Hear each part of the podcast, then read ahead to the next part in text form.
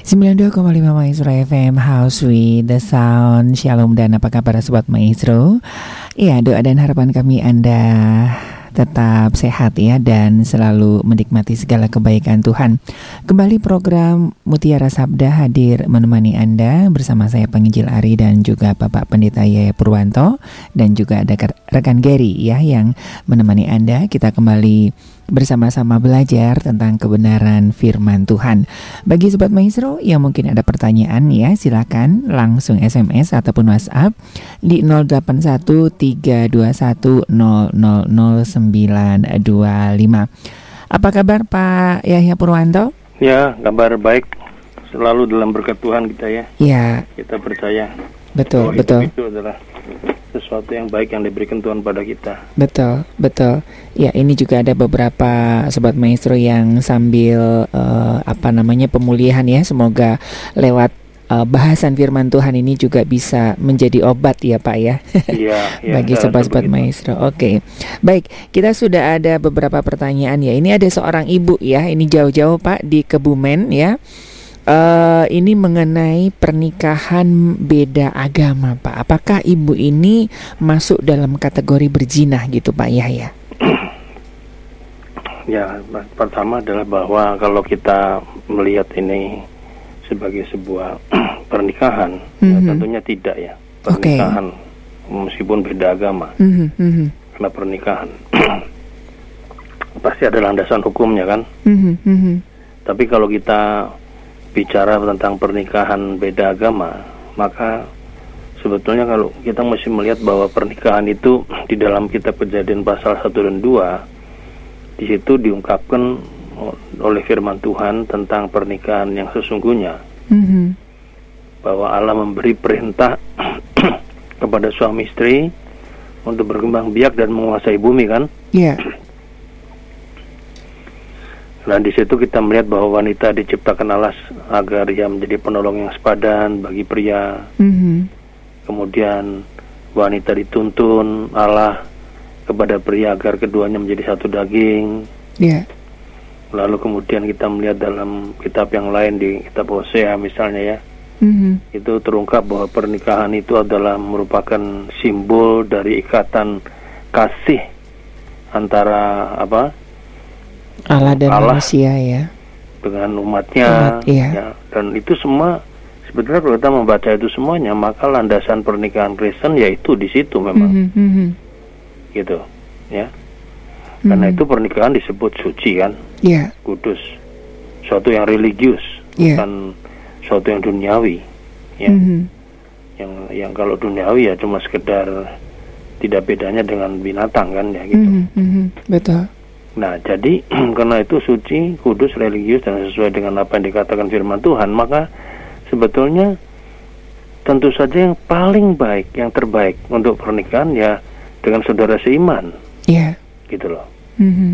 Nah, tapi oleh karena sesuatu dan lain hal, ya, dan kita melihat bahwa kehidupan masyarakat semakin plural, majemuk, mm. yeah komunikasi-komunikasi juga makin mudah di antara sesama manusia di muka bumi ini, kan begitu kan? Iya. Yeah. Maka terjadilah perjumpaan anak-anak Allah di muka bumi ini. Mm -hmm. Ya, gitu loh. Sehingga dalam perjumpaan-perjumpaan tadi tidak mustahil kemudian orang bisa jatuh cinta kan? Mm -hmm. Iya. Yeah. Bisa saling mencintai dan terjadilah yang disebut pernikahan campur, ya. Mm -hmm gitu loh. Ya. dan tentu saja kan ini kan suatu fakta yang ya, kelihatan. betul betul. Dan tentu saja kita tidak bisa mengatakan wah nggak bisa. Nggak boleh. Ini sebuah perjinahan atau mm -hmm, salah mm -hmm, keliru. Tidak mm -hmm. boleh. Ya karena bagaimanapun juga Tuhan menciptakan manusia di muka bumi ini kan satu awalnya. Betul. Ya kan? Begitu. Duh, kalau pada zaman dulu Tuhan mem memprotek orang misalkan umat perjanjian nggak boleh kawin sama bangsa lain itu dalam rangka ya saya sudah sebutkan pada tahun eh, minggu lalu kan yeah, yeah. pemilihan yang sangat partikular yeah, betul, menjaga betul, kesucian, menjaga kesucian kemurnian yeah. umat betul perjanjian supaya jangan ternodai oleh dewa-dewa mm -hmm, apa mm -hmm. namanya uh, Allah-Allah lain yang ada di sekitar itu. Itu sebabnya kenapa hukum yang pertama kan jangan ada padamu Allah lain kan? Betul, betul. Itu dalam rangka merotek itu sebetulnya, Mhm. melindungi itu semuanya. Mhm. Makanya makanya nggak boleh lah misalnya apa uh, Simpson menikah dengan Ya, Delilah. Dalila, ya, ya. Delilah. Ya sangat berat itu, ya. Tapi tapi itu terjadi juga. Mhm, mhm. Itu itu itu dulu loh. ya, di mana komunikasi masih sangat sulit, orang masih harus jalan jauh melintasi hutan. Ya Simpson kan begitu, melintasi Mhm, hutan mhm. ketemu apa namanya? binatang-binatang hutan kan begitu kan. Iya, iya. Tapi dilakoni demi cinta kan. betul. Ya. Ya, Walaupun salah memang salah waktu itu karena ada ketentuan-ketentuan yang aturan Tuhan yang memang nggak Mhm. boleh dulu. Nah tapi kan kita melihat bahwa konsep dunia ini kan Tuhan ciptakan Adam dan Hawa itu kan bukan cuma keturunan yang Kristen Ya. ini Adam dan Hawa keturunannya Betul, kan enggak. betul, betul, betul. Semua betul. makhluk di muka bumi. Ya kan Mhm, begitu. mhm, mhm. Iya kan? Nah ini ini bedanya di situ ya saya melihat itu. iya, iya. Jadi oleh sebab itu kalau sekarang terjadi pernikahan campur, kemudian kita mesti mencari jalan keluar. Hmm. Nah, jalan keluarnya tentu harus sesuai dengan ketentuan-ketentuan khusus yang diajarkan firman Tuhan. Iya. Dengan apa? Dengan alasan-alasan teologis yang dapat dipertanggungjawabkan di hadapan Tuhan. Mhm. Kalau sampai ada pernikahan campur, Iya. Nah, maksud saya di sini adalah bahwa ada alasan yang kuat dan penting bahwa orang yang percaya itu punya misi untuk memberitakan kabar sukacita dengan pertolongan Roh Kudus sehingga pasangannya satu saat bisa menjadi saudara seiman pada waktunya Tuhan. Hmm. Gitu loh. Mas. Iya, iya. Jadi ada harus punya misi khusus, bukan cuma sekedar menikah campur. Lalu Hanya- lu lu hanya gua atas- gua enggak enggak Hanya boleh. atas dasar cinta ya, Pak ya. Ya. Mhm. Ya gitu loh. Atas Iya. dasar cinta itu harus ya bagaimanapun lah cinta dia harus punya misi Mhm, untuk mhm, memberitakan mhm, kabar itu mhm. dengan pertolongan kuasa Roh Kudus sehingga Iya. pasangannya pada suatu waktu Tuhan akan menjadi saudara seiman. Mhm. Kira-kira gitu. Iya. Jadi iya. ada misinya, Mhm. bukan cuma asal karena cinta, tapi ada misi misi Allah di situ untuk. Iya. Nah, dan dengan janji dan semangat untuk membawa pasangannya kepada Tuhan, ya, bukan memaksa, Iya. tetapi mendoakan, meneladani dengan sikap-sikap seperti Tuhan Yesus, ya kan? Mhm. Yesus kan nggak pernah apa memaksa orang kan Iya. untuk, untuk terima keselamatan.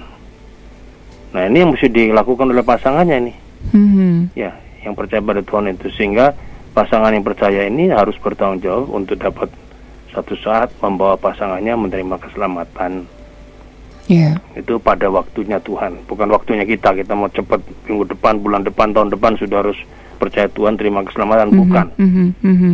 Jadi tunggu sampai waktu Tuhan terjadi. Iya.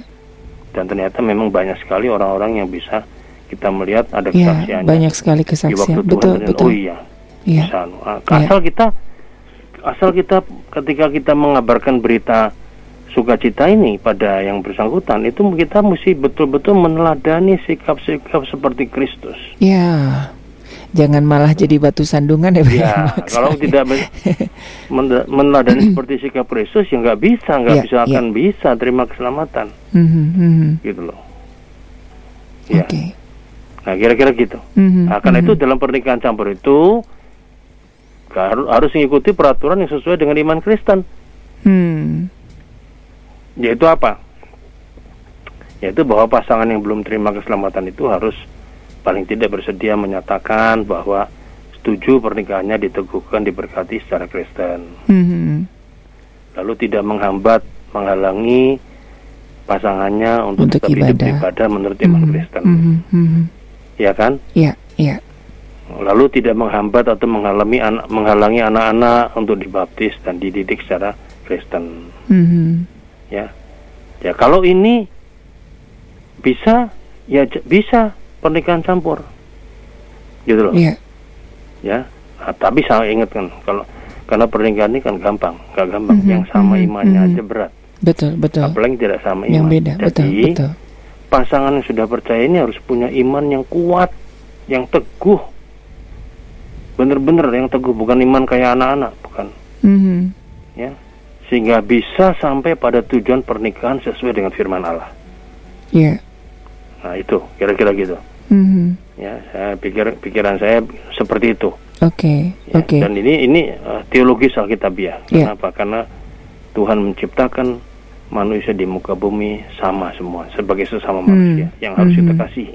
Oke, oke. Bukan yang kita singkirkan, yang bukan Ya. kita buang, ya, Mhm. kalau- kalau bukan kemudian kita abaikan lalu kita hanya ngumpul ke grup kita yang eksklusif tidak. Oke. Tapi harus itu. Tapi Ya. dengan tadi yang saya katakan di Ya. depan atas semuanya Betul, betul. gitu. Betul. Ya. Jadi kalau saya boleh menggarisbawahi ya Pak Yahya ya supaya tidak salah persepsi ya bahwa apa yang disampaikan Pak Yahya ini bukan eh, menyetujui dengan adanya Oh, tidak. kawin campur Kan ya dari Pak ya. kan Ini tadi. ini harus harus dipahami ya sobat Ya. maestro jangan sampai nanti eh, salah persepsi. Wah, katanya Pak Yahya kan eh, keturunan Adam kan sama gitu kan. Bukan. seperti itu. Bukan. Nah, terus tadi ditekankan yang, Yang kedua. terbaik, nah, Yang terpenting terbaik yaitu pernikahan dengan saudara seiman. Ya, ya. Dan terlalu jahat ya Pak ya kalau mengatakan eh, nikah beda agama sebuah sebuah eh, perzinahan ya Pak ya. Iya, tidak boleh. Oke. Berarti kita sudah menghakimi orang. Mhm, mhm.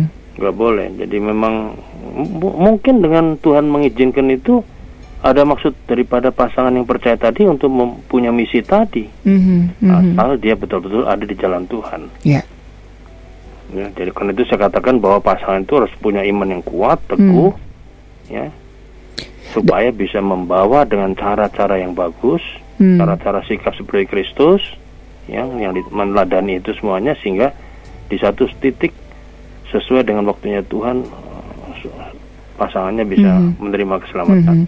Dan tentunya ini juga harus jadi eh, eh, beban doa bagi gereja dan Iya. eh, te- umat-umat percaya ya Pak ya. Iya. Bukan malah menjauhi dan Ya, mengas- boleh ma- menjauhi memberi memusuhi. stigma stigma zina itu ya jadi Pak ya. Kesaksian. Ya, ya.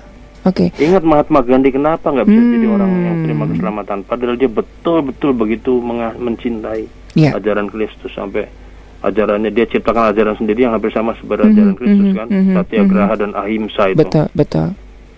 Ya, karena betul. sikap-sikap yang ta- tadi tidak meneladani sikap Kristus, tidak mendoakan, Mhm. tidak menerima, tidak welcome, memusuhi, Ya. menyingkirkan, ya nggak boleh. Mhm, mhm.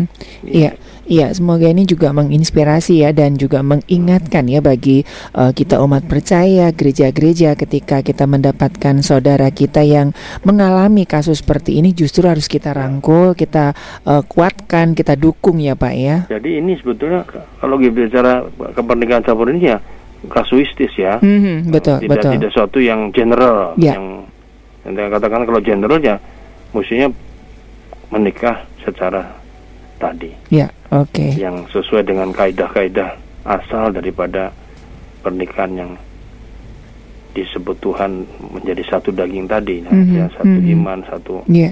itu semuanya tadi Iya, iya, iya.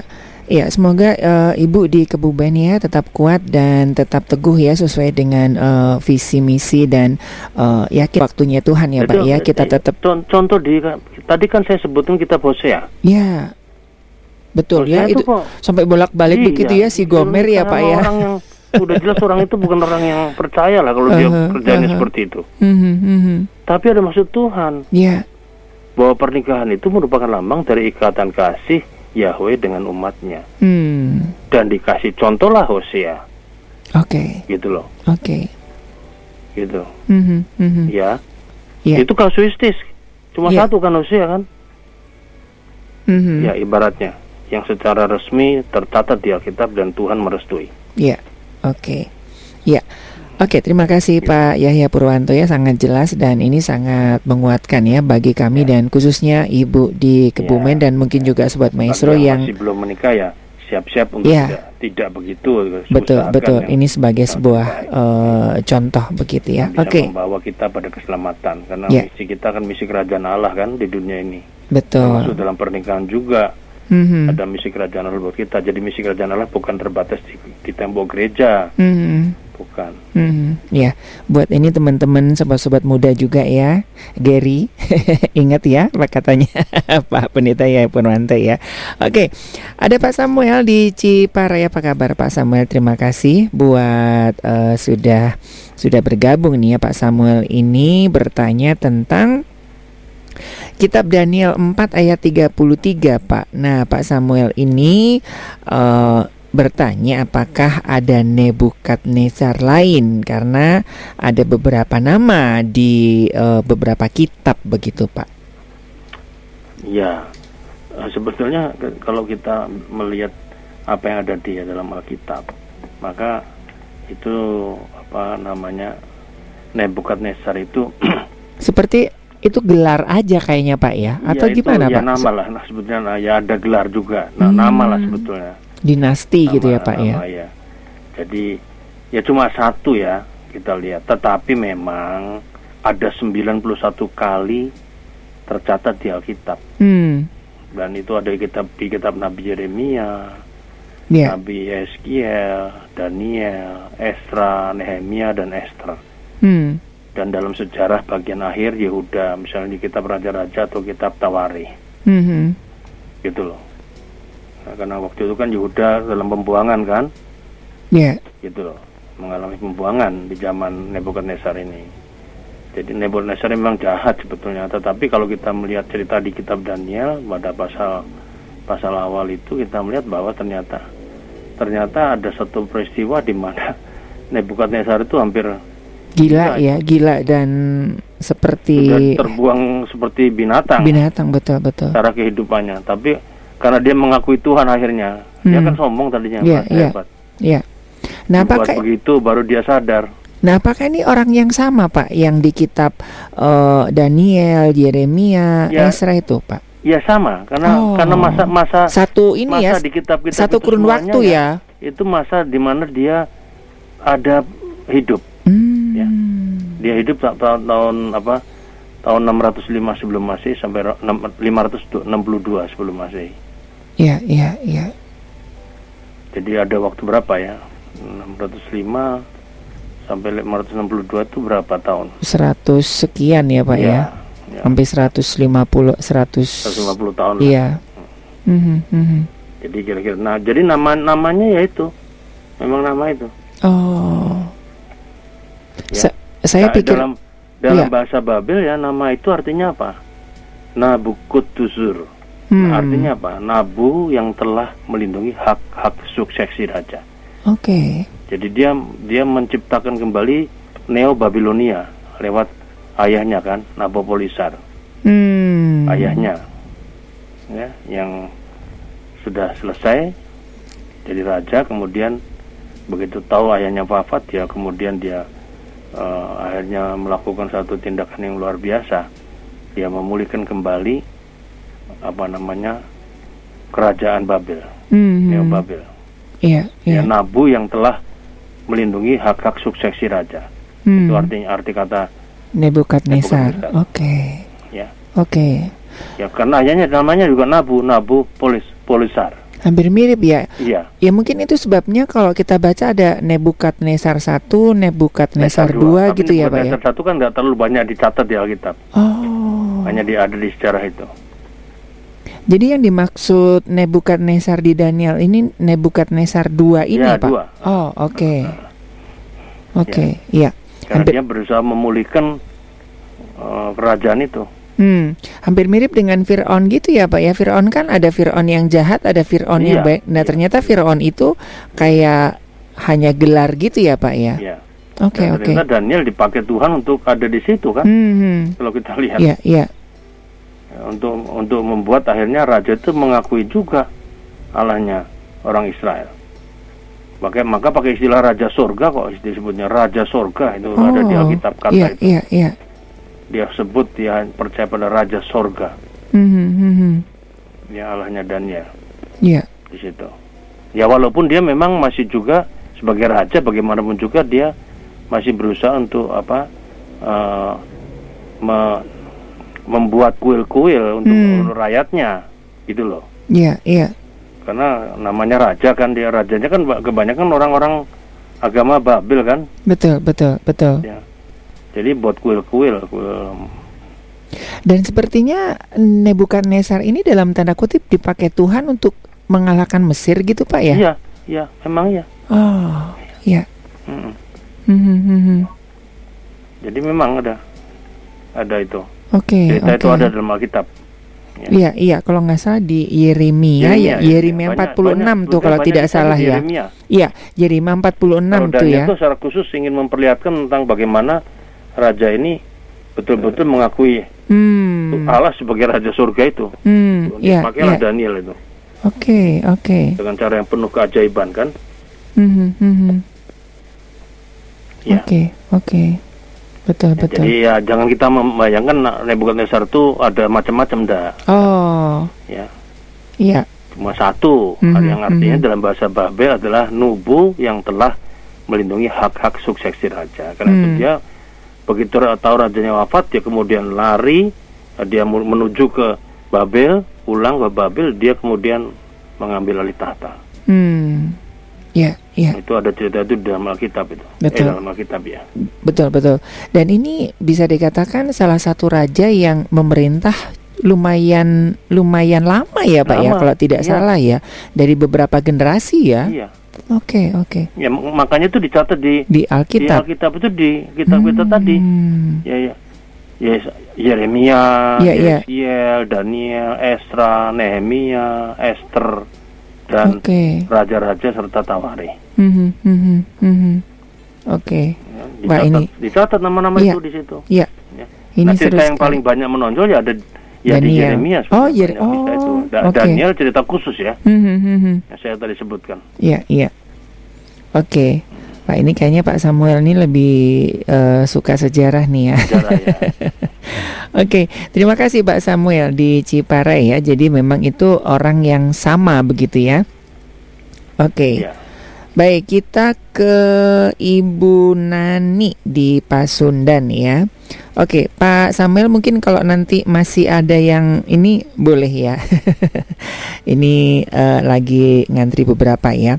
Ibu Nani apa kabar di Pasundan? Ini bertanya tentang nah, saya pernah mendengar eh, kalau Allah perjanjian baru dan perjanjian lama itu beda, Pak. Apa benar seperti itu, Pak Yahya? Ya, ya. Kalau kita melihat apa namanya kronologi daripada apa yang dicatat di perjanjian lama dan baru, sebetulnya tidak boleh kita menafsirkan beda. Entah kalau ada Hmm. gereja-gereja tertentu yang menafsirkannya beda, Ya, terutama tentang Yesus lah barangkali. oke. Mungkin. Jadi akhirnya disebutnya beda kan? Mhm. Tapi sebetulnya enggak, sebetulnya sama. Jadi Hmm. Allah dalam perjanjian baru itu sama dengan Allah dalam perjanjian lama. Tapi Allah dalam perjanjian lama itu kemudian mengejawantahkan diri menjadi manusia Hmm. yang disebut Yesus Kristus kan. Ya. Ya, jadi dia adalah Allah yang menjadi manusia. Maka dikasih gelar anak Allah Mhm. ya. Karena karena jadi manusia, karena kan dia Allah juga, maka dia manusia yang utuh sempurna, tapi juga Allah yang sempurna. Iya. Jadi di situ kita melihat bahwa kita tidak boleh mengatakan Yesus itu 50% manusia, 50% Allah, tidak hmm. boleh. Iya, iya. 100% Allah, 100% juga manusia. Manusia. Iya. Tapi karena agama Yahudi kan tidak mengakui ini. Betul, Makanya betul. ketika Yesus datang itu kan ditolak. Mhm. Tidak mau mereka mengerti masalah itu. Betul. Karena berkali-kali Yesus sudah di- bukan hanya dinubuatkan tapi juga sudah disampaikan oleh Yohanes Pembaptis bahwa Hmm. inilah yang ditunggu kan. Betul. yang datang. Tapi mereka tidak mau percaya, walaupun uh, melihat tidak mau menanggap, walaupun dia mendengar tapi tidak mau percaya. Mhm. Itu orang Yahudi, sehingga mereka masih di Yudaisme, agama Yahudi, Iya. kan begitu. Ya, sama juga ada juga aliran-aliran sekarang yang masih dalam mengaku Yesus sebagai Allah dan manusia kan, Betul. ada gitu loh. Jadi kata, jadi Allahnya sama lah. Ya, Mhm, kata mhm. Allah sendiri sebetulnya merupakan perpaduan dari kedua kata dalam bahasa Arab karena eh, ini kan dari bahasa Semit rumpunya ya. Hmm. Bahasa Semit itu ya bahasa di Timur Tengah sana. Iya. Bahasa Ibrani, bahasa Arab, bahasa bahasa yang ada di sana semua lah. Mhm, Aram mhm. itu ada. Jadi Allah itu dari kata dua kata itu kata al dan ilah. Jadi al ilah Allah jadi. Iya. Artinya apa yang maha kuasa. Hmm. Mhm. Jadi kata ini kalau kata ini dalam bahasa Ibrani kan el sebetulnya. Iya. Ya. Ilah itu el. Yang artinya apa? Kuat, kuasa, tenaga, wah apa menyeluruh, Mhm. mengatasi dunia gitu loh. Iya. lalu lalu bisa disebut juga Tuhan karena kalau Tuhan itu tidak kata Tuhan atau segala Tuhan kan Tuhan Hmm. Tuhan besar Iya. yang menguasai maka sering kali kata El ini disambung dengan kata Shaddai kan El Shaddai Betul. kira-kira gitu. Mhm. ya. El itu adalah dari kata Elohim dari kata El adalah jamaknya Elohim. Ya. Dan sebetulnya setara dengan kata Yahweh. Mhm. ya. Kata Allah itu yang artinya sama dengan kata kata El tadi sebetulnya Elohim tadi sama dengan Yahweh walaupun Mhm. tekanannya sedikit beda Iya. ya kalau tadi El saya katakan Elohim itu ya, El itu adalah kuat kuasa hebat pokoknya tenaganya segala macam mel- melingkupi seluruh dunia dan sebagainya maha kuasa tadi kalau kata Yahweh ini juga sama tetapi bedanya adalah bahwa dia satu Hmm. dia dia kalau pakai satu kata dia yang punya hidup gitu kira-kira gitu Iya, iya.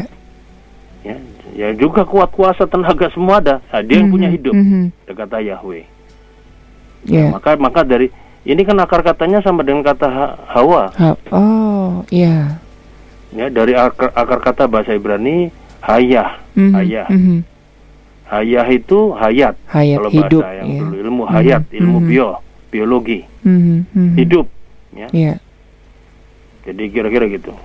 Jadi Yahweh itu adalah Allah yang berkuasa di tapi hidup gitu loh. Mhm. sumber hidupnya. Iya. maka maka ketika Musa dipanggil Tuhan itu ada semak belukar berduri, yang menyala itu kan tidak terbakar. Dia tanya siapa namamu Tuhan? Mhm, mhm. Ah, jawabannya kan aku adalah aku. Iya. I am who I am. To be I am. To be. To be itu apa? Ada aku Mhm. ada yang aku akan ada Iya. tidak berubah dari dulu sekarang kelemahannya aku punya hidup aku ada gitu Mhm, mhm. tapi kata ini karena ini sumber hidup jadi terlalu suci buat orang Israel untuk mengucapkannya tidak berani dia kata pakai nama Yahweh Iya. tidak seperti kita zaman sekarang kata Yahweh dipakai kan Betul, betul. dulu orang-orang perjanjian dulu zaman dulu umat perjanjian Tuhan itu sebutnya tidak berani. Karena nama itu terlalu suci untuk disebutkan. Nggak boleh sembarangan. Mhm, mhm. karena dia sumber hidup. Dia berkuasa banget maha kuasa mengatasi jagat raya semuanya dia yang punya hidup. Ya. Iya. jadi maka sebutannya apa? Nah, nama sucinya untuk Yahweh itu yaitu Adonai. Jadi Hmm. kalau orang mau nyebut Tuhan tuh Adonai. Iya. Hidup juga artinya tapi tapi di jadi tidak berani sembarangan kata-kata itu Mhm. terlalu sucinya kata Yahweh Iya. sampai nggak berani mereka Iya, betul. ya Betul. tetragrammaton itu disebutnya YHWH Mhm. ya Oke. ya nah terlalu terlalu tidak berani menyebut kenapa karena dengan dia yang punya hidup itu ya sumber hidup itu maka pernyataan Alkitab mau mengatakan bahwa semua yang ada di bawah sumber hidup ini adalah harus tunduk Hmm. karena yang punya hidup dia kan Iya, iya. gitu loh nah tunduknya seperti apa seperti hamba kepada Tuhan Mhm. Makanya konsep di Alkitab itu konsep kalau kita melihat dalam hal konsep yang dari kitab sebagai manusia selalu harus jadi pelayan, Betul. hamba Iya. gitu loh. Yang diteladani oleh Tuhan Yesus Mhm. gitu, Mas. Iya. Ya. Dan ini pernyataan ini pertama kali dikeluarkan oleh Abraham. Hmm. Betul, betul. Pernyataan bahwa dia itu hamba yang tidak punya tidak ada artinya lah di hadapan Mhm, Tuhan. mhm. Karena dia itu sumber hidup aku ini tidak ada artinya. Engkau terlalu suci lah. Iya. Itu dikatakan ketika dia berdialog dengan Tuhan tentang keadaan kota Sodom dan Gomora. Yeah. Cerita Lot yang istrinya bisa jadi tiang garam itu loh. Mm-hmm. Ya, eh, Allah kan mengatakan kalau ada 50 aja orang di Sodom dan Gomora yang percaya padaku, aku tidak akan memusnahkan. Mm-hmm. Lalu dia kemudian memberanikan diri kepada Tuhan, Tuhan aku ini debu dan abu, tapi aku harusnya aku nggak berani ngomong, tapi aku coba memberanikan diri. Aku ini debu dan abu dikatakan mm. begitu oleh Abraham. Yeah. Padahal Abraham ini orang kaya dulu kan. Betul, betul. Tapi dia merasa di hadapan Tuhan tuh karena Tuhan sumber hidup, dia walaupun dia hidup tapi dia punya kehidupan tapi dia merasa sebagai nggak berdaya, nggak berarti mm -hmm, seperti mm -hmm, hamba mm -hmm.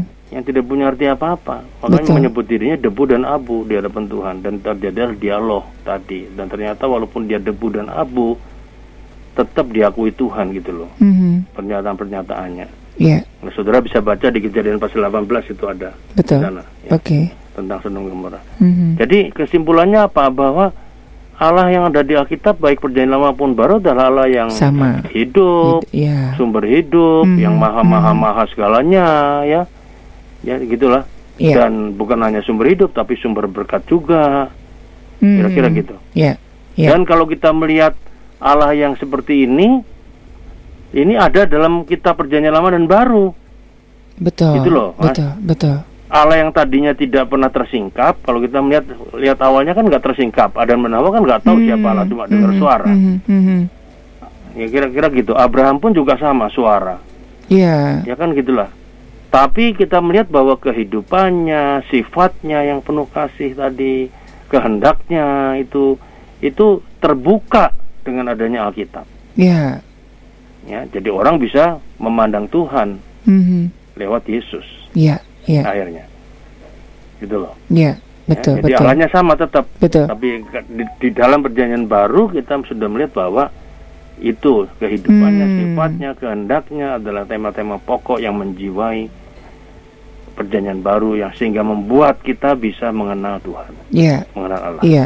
Dan Pak Yahya kemarin uh, juga sempat ini ya kalau misalkan mau disambungkan ya buat Ibu Nani ya di apa kitab Yohanes kan kalau dalam perjanjian lama kan Tuhan hanya berfirman aja ya Pak ya. ya. Lalu di perjanjian baru itulah firman itu jadi manusia dan manusia. wujud Allah itu di dalam Yesus itu Yesus ya Pak itu, ya. ya. Oke. Okay. Ya. Nah itu Ibu Nani ya uh. supaya tidak uh, uh, bingung ya dengan beberapa pengajaran ya. yang mungkin simpang siur Jangan begitu. Jangan terlalu bingung ya. Mm-hmm, mm-hmm. ya okay. Pokoknya pokoknya Allah yang tidak pernah terlihat segala macam itu yang mm-hmm. tidak pernah dikenal itu kan yeah. itu kan mengejawanta dalam Yesus. Betul. Kalau kamu melihat aku, kamu melihat Bapa. Yes. Itu. Oke. Okay. Ya. Ya, Jadi Wah, ini semakin jelas ya. Betul, betul. Lima wujud jadi manusia karena dia, dia jadi manusia ya dikasih gelar anak kan. Mm-hmm, Namanya mm-hmm. manusia kan manusia kan mesti lahir, nggak bisa manusia ujuk-ujuk sudah datang ke dalam dunia lalu jadi besar kan? Betul, betul. Dimulai betul. dari kecil karena memang itu kehendak Tuhan. Betul. Dia belajar merendah orang. Betul. Jadi hamba tadi mas. Hmm, Kita melihat. Mm-hmm. Begitu. Oke. Okay. Ya. Ini uh, buat Pak Hilman ya untuk uh, Mutiara Sabda di hari Selasa live ya. Nanti ada siaran ulangnya di hari Minggu. Jadi sobat maestro juga bisa ya kalau misalkan hari ini nggak sempat nyatet, bisa nanti ya hari Minggu uh, sore boleh juga bertanya boleh nanti biar kita bahas di hari Selasa sekarang ini begitu ya, biar lebih lebih kaya begitu ya Pak Hilman. Yeah. Oke, terima kasih Pak Hilman. Oke, kita ke uh, ini dari sobat maestro mungkin dikasih nama enak ya dari 0812 sekian sekian 5296 begitu. Shalom Pak Yahya dalam Markus 11 ayat 24. Ini bagaimana mengimani bahwa apa yang didoakan percaya bahwa kita telah menerima. Oke, saya akan membacakannya. Karena itu aku Aku berkata kepadamu, apa saja yang kamu minta dan doakan, percayalah bahwa kamu telah menerimanya, maka hal itu akan diberikan kepadamu. Ya, jadi uh, kita pernah nggak kita membaca bahwa Allah memberikan pada kita pada waktu tidur? Hmm. Ya. Ya, ya memberikan berkat maksudnya. Iya. Ya waktu tidur kan.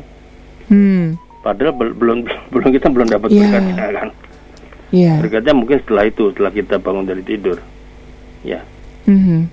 Jadi di mana? Di Mazmur pasal 127 kali ya. Iya. Dia memberikannya pada waktu tidur ya. Betul, Kira-kira betul. Kalau mau mengatakannya begitu itu itu berarti apa? Berarti kita mengimani kan. Percayalah kamu telah menerimanya ya.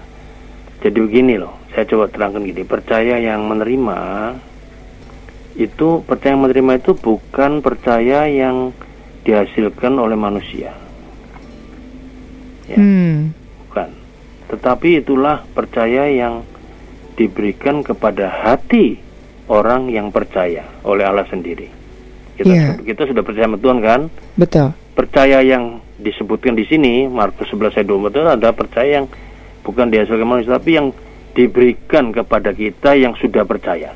Percaya Hmm. seperti ini. Jadi bukan percaya seperti yang kita percaya pada Allah itu esa Allah itu adalah kita kenal dalam Yesus sekarang bukan Mhm, mhm. gitu ya jadi jadi percaya yang seperti ini ya ini tidak boleh tidak boleh kita eh, apa namanya mau pakai cara bahwa sebagai sebuah janji tanpa batas Iya. kan karena itu kan kembali lagi karena itu kan diberikan Allah kepada manusia yang percaya Betul. percaya Betul. seperti ini Iya.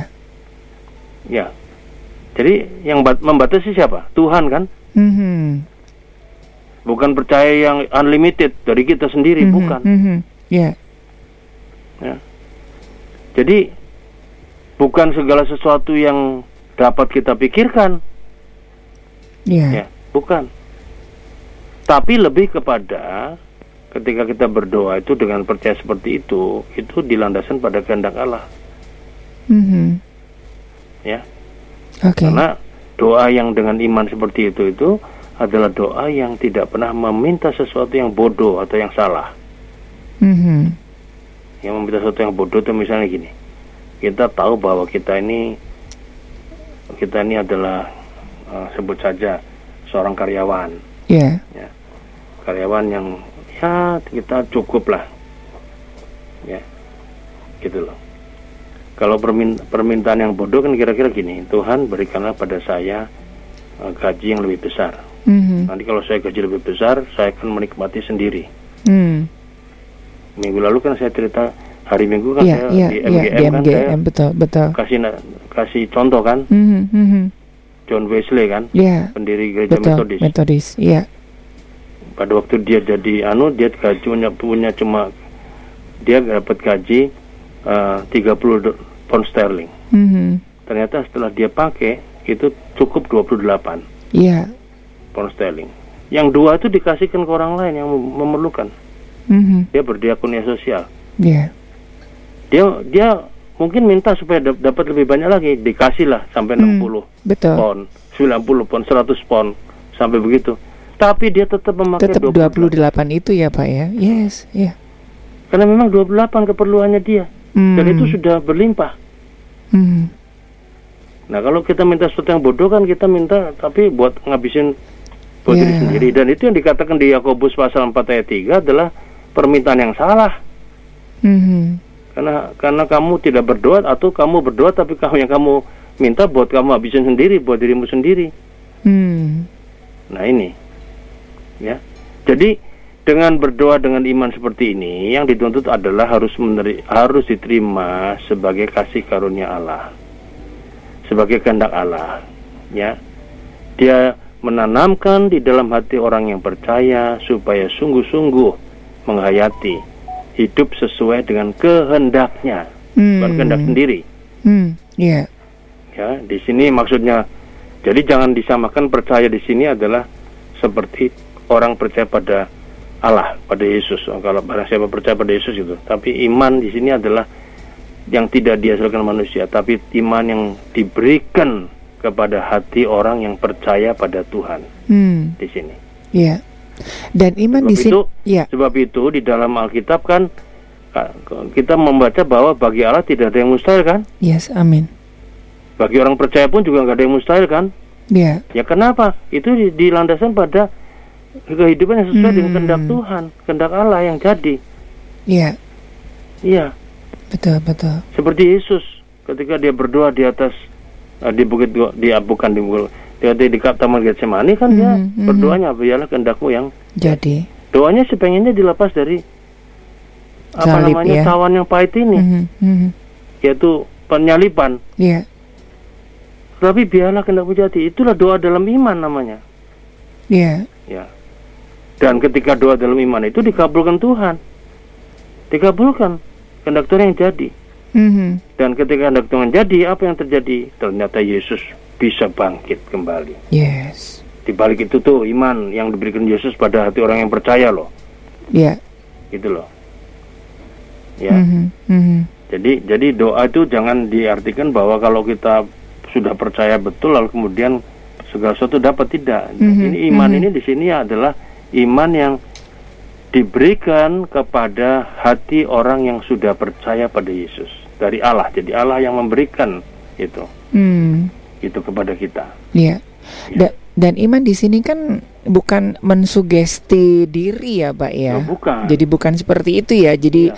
Uh, ayat ini tidak berbicara, udah aku dapat, aku dapat, aku dapat, gitu kan. Hmm. Kadang-kadang kan ini kan agak beda-beda tipis dengan mensugesti diri gitu, Pak ya. Anggaplah yang yang belum diterima itu sudah diterima. Akhirnya kita kejebak dengan sugesti diri gitu, Pak. Hmm. Ya sugesti diri boleh, tapi sugesti oh. diri bukan untuk permohonan itu sendiri, hmm. tapi sugesti hmm. diri hmm. pada kehendak Allah. Oke. Okay. Seperti Yesus ketika berdoa jadilah kehendakmu itu sugesti diri pada kehendak Allah. Oh. Karena dia tahu bahwa kehendak Allah pasti yang terbaik buat dia.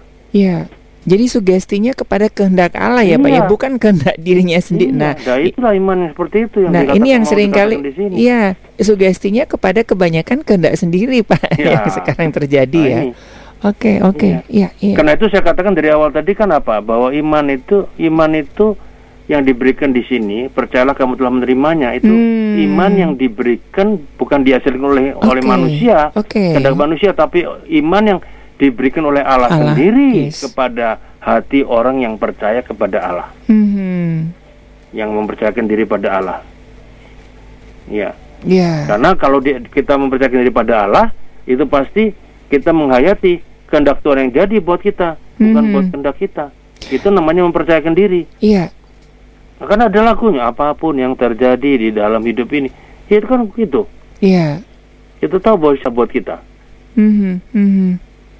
Dan ini yang kadang-kadang membuat uh, umat-umat Tuhan jadi kecewa dengan Tuhan ya Pak ya karena mensugesti diri dengan kemauannya sendiri, sendiri. tidak menyelaraskan dengan nah, Iya. Loh kalau kita mensugesti okay. diri, saya sering kali menggambarkan doa ini kan seperti gini. Seperti seperti apa namanya kapal hmm. yang mau berlabuh. Hmm, yeah. Menuju ke darat. Iya. Yeah pelabuhannya yang datang ke kapal atau kapal yang datang ke hmm. pelabuhan? Pertanyaannya yeah, kan di situ. Iya, yeah, iya, yeah, iya. Yeah. Itu sederhana, saya sederhanakan. Mm -hmm. Kan nggak ada pelabuhan yang datang ke kapal. itu ada di ya, Kalimantan Tuhan itu Pak. kali kita seret-seret kita tarik-tarik sudah datang ke kita. Iya, iya. Iya kan? Mm -hmm. Suruh ngabulin apa yang kita mm -hmm. mau. Iya. Mm -hmm. Padahal harusnya tidak begitu. Kita melabuhkan apa yang menjadi keinginan kita kepada kehendak Tuhan. Yes. Okay. Seperti kapal yang melabuhkan dirinya ke pelabuhan. Hmm. Dan ketika dia melabuhkan ke pelabuhan, apa pun yang terjadi itu adalah yang terbaik yeah. buat kehidupannya. Oke. Okay. Wah ini ya. sangat sangat menarik ya dan sangat membukakan ya dan ya. dan semoga ini bisa hati-hati ayat ini ya. sering kali ditafsirkan nah, oleh banyak orang begini ya. bahwa pernyataan Yesus di Markus 11 ayat 24 ini adalah sesuatu yang dipandang sebagai janji tanpa batas seolah hmm. kalau kita hmm. percaya wah pasti hmm. semuanya hmm. dapat ya ya wah salah ya pikiran itu salah hmm. dapatnya dapat kehendak Tuhan betul yes dan kalau itu kehendak Tuhan pasti yang terbaik amin Iya, betul, betul. Kalau kehendak Tuhan bagi seorang Yusuf dia mesti harus mengalami kesulitan besar bertahun-tahun hmm. sampai dia jadi uh, orang kedua di Mesir. Di Mesir, iya. 13 tahun iya, ya. 13 tahun. Mm-hmm. Itu kan luar biasa. Yeah. 13 tahun itu bukan waktu pendek dan di situ mengalami banyak yeah. fitnahan, banyak hal-hal yang menyakitkan dia, yang membuat dia nggak enak, tapi dia tetap menyata merasa bahwa kehendak Tuhan yang jadi buat dia. Mm-hmm. Yeah. Makanya dia kan bisa bersaksi akhirnya kamu mereka-reka yang jahat sama yeah. saya, tapi Tuhan mereka-reka yang bagus. Itu kehendak Tuhan, Mas. Okay. Nah, itu yang disebut doa dengan iman. Oke. Okay. Makanya kalau kita lihat sejarahnya Yusuf kan tidak ada satu kata-kata pun tentang dirinya yang mengucapkan kata-kata berdosa pada Tuhan. Mm-hmm. Mm-hmm. Diterima, di penjara yeah. ya diterima. Betul, betul menghadapi ini difitnah diterima. Ya, legowo gitu legowo. pak ya kalau orang Jawa bilang ya. Kenapa dia tahu bahwa hidup ini adalah bergantung pada Allah? Mm-hmm. ya ingat khotbah saya pada minggu lalu minggu kan? iya. Dua minggu lalu ya. Eh minggu lalu. Hidup yang bergantung pada Allah. Iya. Jadi bukan pada kekayaan. Mm-hmm. bukan pada kehendak kita bukan. Mm-hmm. pada kehendak Allah Oke. Okay. Jadi kita melihat itu yang paling menarik dalam hidup kita. Makanya kalau kita bisa melakukan itu ya menarik jadi orang yeah. percaya lah. Oke. Okay. Wah ini sangat indah ya Empat pertanyaan yang sangat luar biasa ya Ini Ibu Lani nanti kita akan bahas di kesempatan uh, yang akan datang ya Ibu Lani yang selalu setia ya di Arca Mani Oke Pak Yaya karena memang waktu kita sudah sangat pendek bisa dirangkaikan Pak dari um, empat pertanyaan yang sangat indah uh, hari ini nih Pak Yaya Purwanto. Ya, berangkat aja dari pengakuan Nebukadnezar orang yang tadinya sombong jadi bisa mengakui itu Allah itu adalah raja hmm. surga. Kalau nggak ada iman gimana? Kan itu ada iman di situ, ada yeah. percaya. Ya, pernikahan juga mesti pakai iman yang sama mm -hmm. kalau bisa. Mm -hmm dan kita punya walaupun awal awalnya kita kita nggak sama dalam iman tapi kita berusaha untuk bisa meneladani Yesus membawa misi keselamatan buat orang itu yeah. ya kira-kira kan begitu tadi yeah. dal dalam hal nah kenapa kita begitu karena kita punya Allah tadi al, al ilah tadi mm -hmm. yang maha maha maha tadi El Shaddai tadi sumber yeah. hidup kita itu harus jadi hambanya hamba yang berserah penuh pada kehendaknya mm -hmm itu. Makanya dalam doa pun juga kita berserah penuh sebagai hamba. Nggak bisa nuntut-nuntut. Ya. Mm-hmm, bertindaklah seperti hamba kepada bertindaklah seperti Abraham sebagai hamba yeah. seorang hamba yang hanya debu dan abu kepada Allah yang maha kuasa tadi El Shaddai tadi. Oke. Okay. menyerahkan Tuhan begini. Kalau begini gimana Tuhan? Gini. Kalau sampai ke lima kan? Hmm. betul. Ya mm-hmm. dari 50 mas. Betul betul dan kalau kehendak Tuhan lima saja bisa menobatkan Sodom, Sodom Gomora, Gomora ya. tidak mustahil seorang mm-hmm. yang tadi menikah bukan beda agama yeah. kan bisa membawa keselamatan yeah. pada orang. Betul. Ya. Mm-hmm. Mm-hmm. Ada misi khusus di sini. Yeah. Yeah. Tuhan mau sampaikan. Mm-hmm. Tapi oh. yang paling penting adalah kita harus mengakui bahwa Allah itu adalah El Shaddai. Yes. Al Ilah mm-hmm. tadi. Mm-hmm. Ya. Okay. Yahweh yang kita nggak boleh ucapin tapi kita ucapin Adonai dan yeah. kita merasa diri kita jadi hamba. Mm-hmm. Ya, jadilah hamba yang setia dalam segala perkara yang mm. Tuhan mau lakukan yeah. buat kita. Oke. Okay. Di mana pun, dalam pekerjaan apa pun kita jadi hamba yang setia pada Tuhan. Betul. Karena kalau kita melakukannya itu seperti untuk Tuhan, kita jadi hamba, Tuhan pasti memberkati kita. Amin. Iya, oke. Okay. Iya. Oke, sekali lagi terima kasih Pak Yaya Purwanto untuk penjelasannya. Dan iya bagi sobat maestro, uh, jadi uh, kalau misalkan anda ada pertanyaan ya, jangan nunggu hari Selasa atau hari Minggu ya. Setiap hari pun anda bisa langsung SMS ataupun WhatsApp. Nanti kita akan kumpulkan begitu ya. Jadi kalau misalkan uh, besok anda baca Alkitab, oh ini nggak ngerti, nggak apa-apa, kirim aja ke Radio Maestro ya. Iya, nanti kita WA ya, lewat WA. WA boleh, SMS boleh, nanti kita kumpulkan ya. Jadi makanya uh, saya tiap hari kan ada di kantor, jadi uh, saya cek, saya kumpulkan, jadi kita akan bahas begitu ya. Jadi jangan khawatir untuk tidak kita bahas. Oke, sekali lagi Pak Pendeta Yahya Purwanto terima kasih ya, buat hari ini. Terima Sobat Maestro ya selalu setia mendengar siaran Mutiara Sabda. Oke. Baik dari Gira Maestro, Jalan Kaca Piring 12 Bandung, saya penginjil Ari, Pak Pendeta Yaya Purwanto dan rekan Gary mohon pamit. Kita ketemu lagi di program Pelang, uh, Mutiara Sabda selanjutnya. Uh, selamat melanjutkan aktivitas Anda dan Tuhan memberkati.